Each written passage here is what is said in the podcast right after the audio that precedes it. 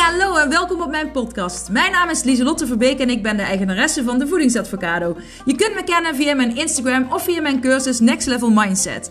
Want dat is wat ik doe. Ik help mensen naar een next level mindset en gezond leven in de breedste zin van het woord. En niet voor een tijdje, maar echt als een levensstijl. Ik heb een enorme passie voor gezond leven en mindset. Want hoe werkt dat nou, je mindset? Hoe kun je successen behalen en hoe kun je patronen doorbreken? Kortom, voor een next level mindset ben je hier aan het juiste adres. En ik heb er weer zin in. Yes, gezellig! Woe!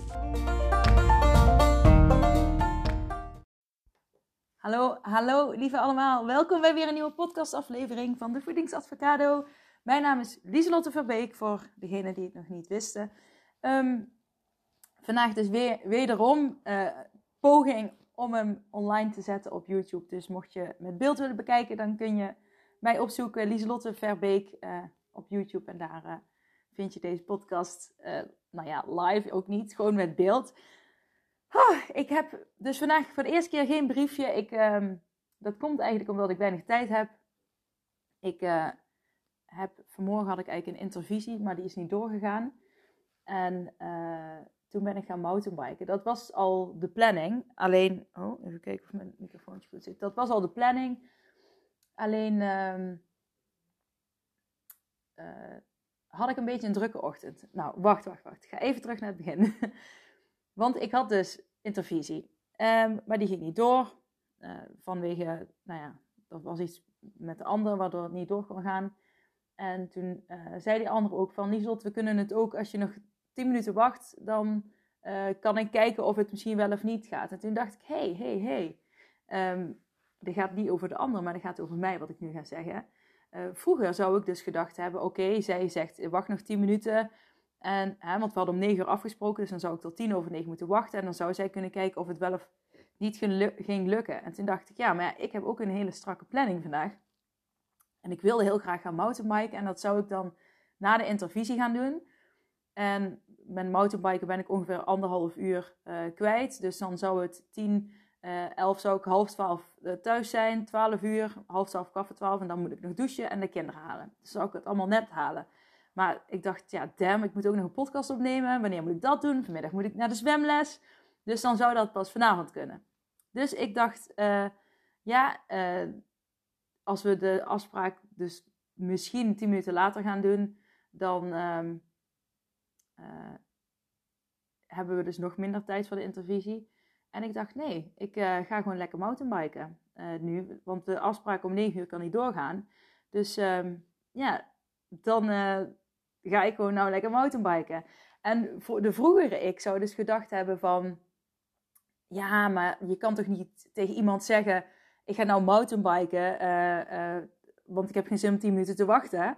En overigens, als ik 10 minuten zou wachten, was het nog niet eens zeker of het door zou gaan. Maar de vroegere ik zou gewacht hebben. Uh, omdat ik te veel bezig was met invullen wat de ander zou denken. En wat de ander zou voelen. En wat de ander zou vinden. En nu dacht ik, ja, maar oké, als, het, als het niet om 9 uur door kan gaan, dan kan ik nu gaan mountainbiken, want daar heb ik zin in. En ik wil lekker de natuur in. En dan kan ik ook nog daarna een podcast opnemen. Dus uh, voor mij is het alleen maar win-win-win. Als ik 10 minuten zou wachten, dan, uh, uh, dan zou het misschien wel of niet doorgaan, de intervisie. Dus dan, nou, mocht die wel doorgaan, dan had ik mijn oude plan. Dan kon ik daarna mountainbiken, maar dan zou een podcast vanavond moeten. Niks mis mee, maar stel je voor als ik had zitten wachten en ze zei, ja, nog vijf minuten misschien daarna. Of misschien, hè, dan moet je nog opstarten. En dan loop je misschien weer uit. Had ik misschien daarna ook nog niet kunnen mountainbiken. Je weet het niet, hè. Maar dan was mijn planning misschien helemaal in de soep gelopen. En nu heb ik mijn grens aangegeven. Ik heb voor mezelf gekozen. En ik zei het van de week ook tegen een klant. Uh, of tegen klanten van de, uh, wat was het? Is de, deze januari groep. Want ik heb nu een decembergroep en een januari groep. Uh, waarmee ik aan de slag ben uh, met uh, Next Level Mindset cursus. Uh, zij werken online en elke maand hebben we dan een online consult met max vieren met mij erbij. in februari start er overigens weer één. Dus wil je daarbij zijn en zes maanden lekker met mij aan de slag gaan en met andere like-minded people, zoals het genoemd wordt, dan meld je aan zou ik zeggen. Um, ik heb zojuist al een mailtje gekregen voor een aanmelding voor februari. Dus ik heb maar ja, twee, drie plekken. Dus wil je erbij zijn, dan uh, ja, twijfel niet te lang, laat ik het zo zeggen. Heb je vragen, stel ze gerust, daar ben ik voor. Um, anyways, uh, wat was ik nou aan het zeggen? Oh ja, daar, daar, oh ja, daar kreeg ik dus een vraag. Um, nee, daar kreeg ik geen vraag. Ik was daar iets aan het uitleggen. En dat was dus, uh, het valt mij gewoon op dat heel veel mensen dingen invullen voor anderen. En van, oh ja, ik doe dat maar niet, want misschien vindt die ander dat niet leuk. Hè? En er zit een soort van, um, nou ja, een empathische belemmering, zo noem ik het nu maar even. Uh, en em empathie is uh, inlevingsvermogen. En ik heb extreem inlevingsvermogen. En uh, toen ik um, niet lekker in mijn vel zat, had ik daar, ging dat tegen mij werken. En hoe ging dat tegen mij werken? Alles, ik ging alles fout interpreteren. Dus uh, als ik goed in mijn vel zit, ben ik heel goed in non-verbale communicatie lezen, me inleven in de ander um, en daarop reageren met een juiste balans. Dus van, oké, ik vind het vervelend voor jou, maar dat wil niet zeggen dat ik het over moet nemen. En ik merk als ik niet lekker in mijn vel zit, dan, of minder lekker in mijn vel zit, laat ik het zo zeggen, dan uh, ben ik sneller geneigd om me te veel in te leven in de ander en te veel mee te gaan uh, met de ander. Uh, waarbij ik mezelf een soort van Um, nou ja, dan weet ik niet meer waar mijn grens ligt. Want ik ga de hele tijd mee met alle andere mensen om me heen. En toen ik dus echt uh, niet lekker in mijn vel zat, last had van angsten. Ook, uh, kreeg ik dus ook een soort van sociale angstgedachten. En uh, echt mijn beste vriendinnetjes. Ik heb het vaker gezegd, maar het is goed om het ooit eens te herhalen. Want herhaling is, er is niks mis mee. Um, dan praten ze, was ik met, tegen mijn vriendinnetje aan het praten. En dan uh, zag ik ze bijvoorbeeld even zo. Uh, nou ja, als je een beeld hebt kun je het zien. Maar dan zag ik ze bijvoorbeeld even omhoog kijken. Of ze keken een keer fronsend met hun wenkbrauwen. Of ze gingen gapen. En dan dacht ik meteen: oh, mijn verhaal is niet interessant genoeg. Ik, ik praat niet. ja, ik wou zeggen, ik praat poep. Ik praat niet boeiend genoeg. Um, en daardoor werd ik alleen maar uh, nou ja, ik, ik kreeg daar negatieve gedachten over en daardoor kreeg ik weer negatieve gedachten. Dus toen dacht ik van oké, uh, ik ga maar niks meer zeggen. Ik uh, val stil. Um, mensen willen mij niet horen. Mensen, ja, wie ben ik nou? Waarom zou ik praten? Um, dus ik bleef maar de hele tijd de focus leggen op de ander en wat de ander wilde. En, wat, en ik, ik vulde dus heel verkeerd in wat de ander wilde. En ik dacht altijd dat de ander negatief over mij dacht. En nu wil ik je twee dingen dus meegeven. Eén is stop met invullen wat anderen over jou zouden kunnen denken. Stop daarmee. Want ik vind, um, je hebt daar natuurlijk wel een nuance in. Hè? Er zijn uh, bijvoorbeeld mijn kinderen, die leer ik ook grenzen aangeven en dergelijke. En hè, ik, ik help ze daarbij. En je mag best behulpzaam zijn voor iemand anders. Maar mensen mogen leren hun eigen grens aan te geven. Als iemand iets niet leuk vindt, of iemand uh, die, die wil iets van jou, of die verwacht iets van jou, dan, is het, uh, dan laat ze het maar uitspreken. Jij hoeft niet constant in te vullen. Oeh, misschien zou die ander dat fijn vinden. Oeh, ik doe dit maar, want misschien dit of dit, dat. Nee, als je het niet weet, kun je het altijd vragen. Weet je wel, daar ben je zelf ook uh, verantwoordelijk voor. Hè? Vraag gewoon als je iets wil weten. En um, de ander mag ook zijn of haar grens aangeven. Dus die mag ook zeggen: hey, ik vind dit niet zo fijn. Of, uh, um, uh, ik, of die mag ook zeggen: Ik vind dat je te veel praat. Of ik vind dat je on, oninteressante verhalen vertelt. Nou ja, als je, als je vriend of vriendin dat de hele tijd zegt, dan is het nog maar de vraag of, um, ja, of, je dan, of het dan heel leuk is om met elkaar om te gaan. Maar de ander mag ook zijn of haar grens aangeven. Jij hoeft niet constant andere mensen te beschermen en um, hen een goed gevoel te geven. Want daarmee ga je dus heel vaak over je eigen grens. Althans, ik heb dat gemerkt en het is mijn waarheid, uh, zoals ik dit zie. En um, het kan bij jou misschien net wat anders zijn, maar ik vind uh, wat mij opvalt is gewoon dat mensen te veel bezig zijn met wat anderen zouden vinden. En vaak, um, er wordt ook vaak gezegd, jij bent wat jij denkt wat de ander denkt dat jij bent. Dus ik herhaal het nog eens. Jij bent wat jij denkt, wat de ander vindt dat jij bent. Dus als jij de hele tijd denkt, andere mensen vinden mij stom, iedereen vindt mij stom, uh, nou dan ehm, zeg je eigenlijk, ik ben stom, ik vind mezelf stom. En dan ga je, als je dan naar acceptance en commitment therapie, uh, als je daar gaat trekken, dan ga je jezelf ook heel erg fuseren. Dus hè, samensmelten met die gedachten. Ik ben stom. Ik uh, ben niet interessant genoeg om iets te zeggen. En pot voor drie, dat ben je wel. Dat ben je wel.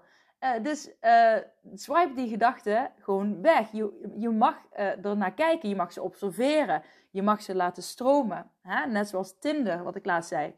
Weet je wel, swipe ze maar. Hup. Ook de goede gedachten en alle gedachten zijn maar gedachten.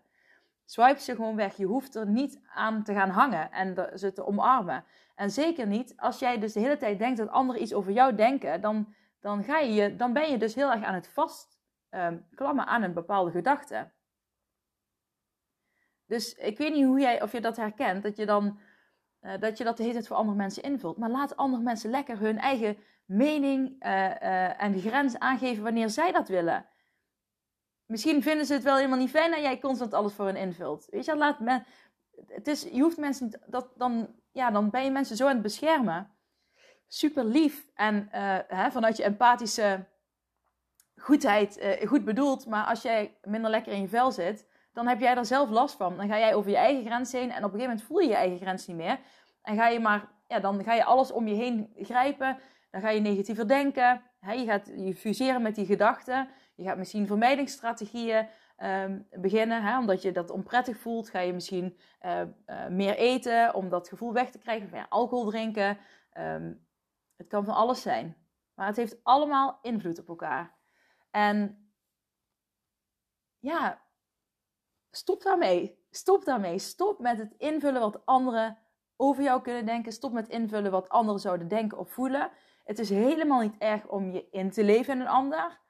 En, hè, maar je kunt het altijd even checken. Klopt het, uh, dat, klopt het dat jij nu uh, dat je boos bent? Klopt het uh, dat je het niet leuk vond wat ik net zei? Klopt het dat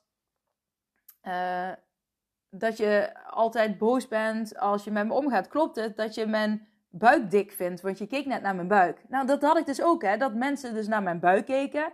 En dat ik dacht van, oh ja, ze vinden dat ik een te dikke buik heb. En uh, uh, weet je wel, waarom heb je dan een Instagram-account? Vroeger had ik Lieselotte Fitmam. Toen was ik zelf, uh, dat, dat was mijn eigen afvalproces toen nog. van, oh, ze vinden het stom dat ik zo'n account heb. En ik heb een te dikke buik. En gewoon alleen puur, ik dacht dat alleen omdat iemand naar mijn buik keek. Gewoon heel kort zo. Gewoon, gewoon ja, misschien gewoon nog minder dan een seconde zelfs. En dat viel me dan op en dat ging ik dan helemaal analyseren. En ik uh, merk bij mezelf, als ik dus uh, dat ga analyseren, uh, als ik ga analyseren te veel, want analyseren is een, een kwaliteit van mij. En ik denk dat analyseren een kwaliteit van heel veel mensen die heel uh, empathisch zijn. Die kunnen heel goed dingen analyseren en dat is een kwaliteit. Hè? Dat je dingen kan uitzoeken, linken kan leggen. En dat werkt heel goed, maar zodra je niet lekker of minder lekker in je vel zit, um, dan kun je, en je begint negatief te denken over jezelf, dan kun je dus ook, ga je ook ineens linken en koppelingen maken uh, en verbindingen leggen die helemaal niet kloppen. En, uh, maar die neem je dan wel aan als waarheid, omdat je daarmee gefuseerd bent, omdat je die vast aan het pakken bent. En uh, wat betreft die buik, dat heb ik toen gecheckt. Ik heb toen gevraagd, uh, vind je mijn buik te dik of zo? dat was ook niet heel handig, maar zoiets had ik gezegd. Zei de andere nee en zij vond mijn sportbroek gewoon heel leuk. Dus dat kan ook, hè. Dus als je, als je checkt, dan kun je dus ook tegen jezelf zeggen, oké, dat is helemaal niet waar wat ik dacht.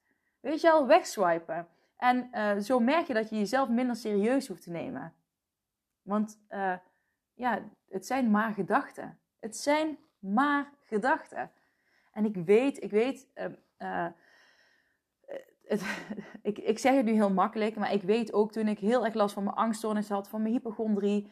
En ik, um, ja, ik dacht gewoon de hele tijd dat ik dood ging.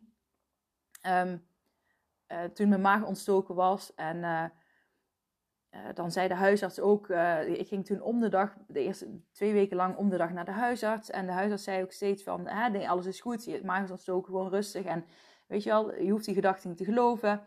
En um, uh, ik wist alles, ik wist het, ik wist het, ik wist het, maar het lukte niet.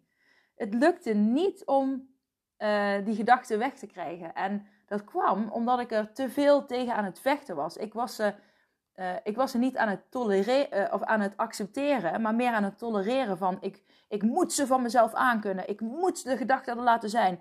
En oh, nou zijn ze er. En oh nee, ik, uh, uh, oh nee, uh, nee, ik moest het toch, ik was, toch weg hebben. Ik was er te veel mee bezig, waardoor het juist averechts ging werken.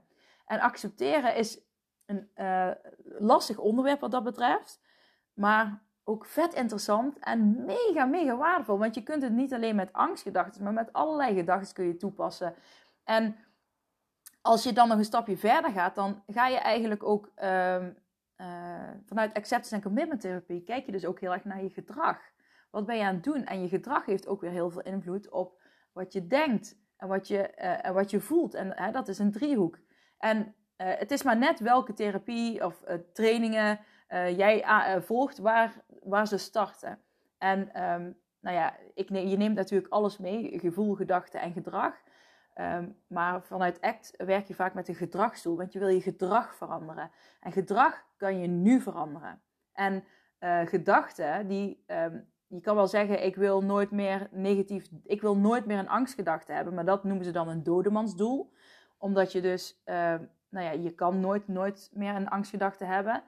En um, ik wil me goed voelen, dat is ook iets, uh, ik wil me vaak, of ik, als je dan specifieker maakt, ik wil me uh, ja, merendeel van de tijd wil ik me goed voelen. Nou, stel je voor als je dat per se wil, dan ben je ook met een gevoelsdoel bezig en niet met een gedragsdoel. En een gevoelsdoel, ik wil me meerdere, meerdere, uh, de, de meerdere, merendeel van de tijd wil ik me goed voelen.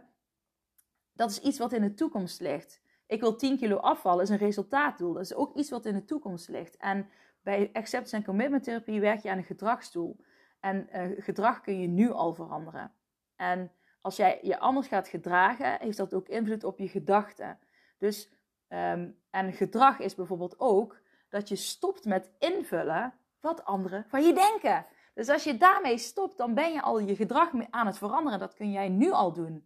En dan kun jij nu al invloed hebben op die gedachten. En dat is ook zo, toen ik die angstgedachten had, um, alles wat ik deed, zorgde er alleen maar voor dat ik nog meer angstgedachten kreeg. Dus um, ik was heel erg bezig met mijn gedachten vermijden, mijn gedachten aanpakken. Ah, weet je wel, ik moet ze accepteren, ik moet ze accepteren, accepteren. Dan ben je ook aan het denken, denken, denken.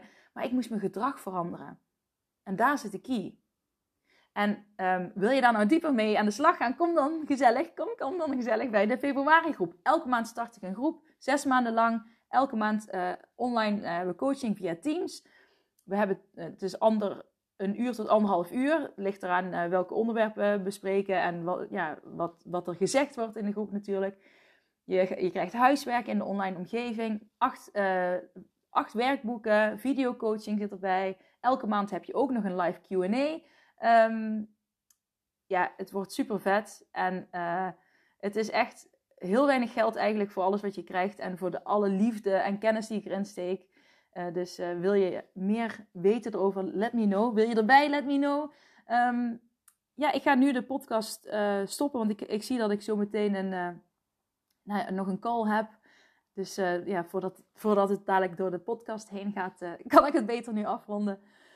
Ik hoop dat je iets hebt gehad in deze podcastaflevering. Uh, je zou me heel erg helpen om me een duimpje te geven of een reactie achter te laten. Of om lid te worden, je te abonneren op mijn kanaal op YouTube. Um, en de mensen die luisteren via Spotify. Uh, zou je me alsjeblieft wat sterretjes willen geven? Of uh, zou je me willen delen op Instagram? op die manier kan ik nog meer mensen bereiken en nog meer groeien. en ja, dat is echt wat ik heel graag wil. Dus... Dankjewel voor het kijken en luisteren. En ik spreek jullie maandag weer. Dag lieve allemaal. Doeg!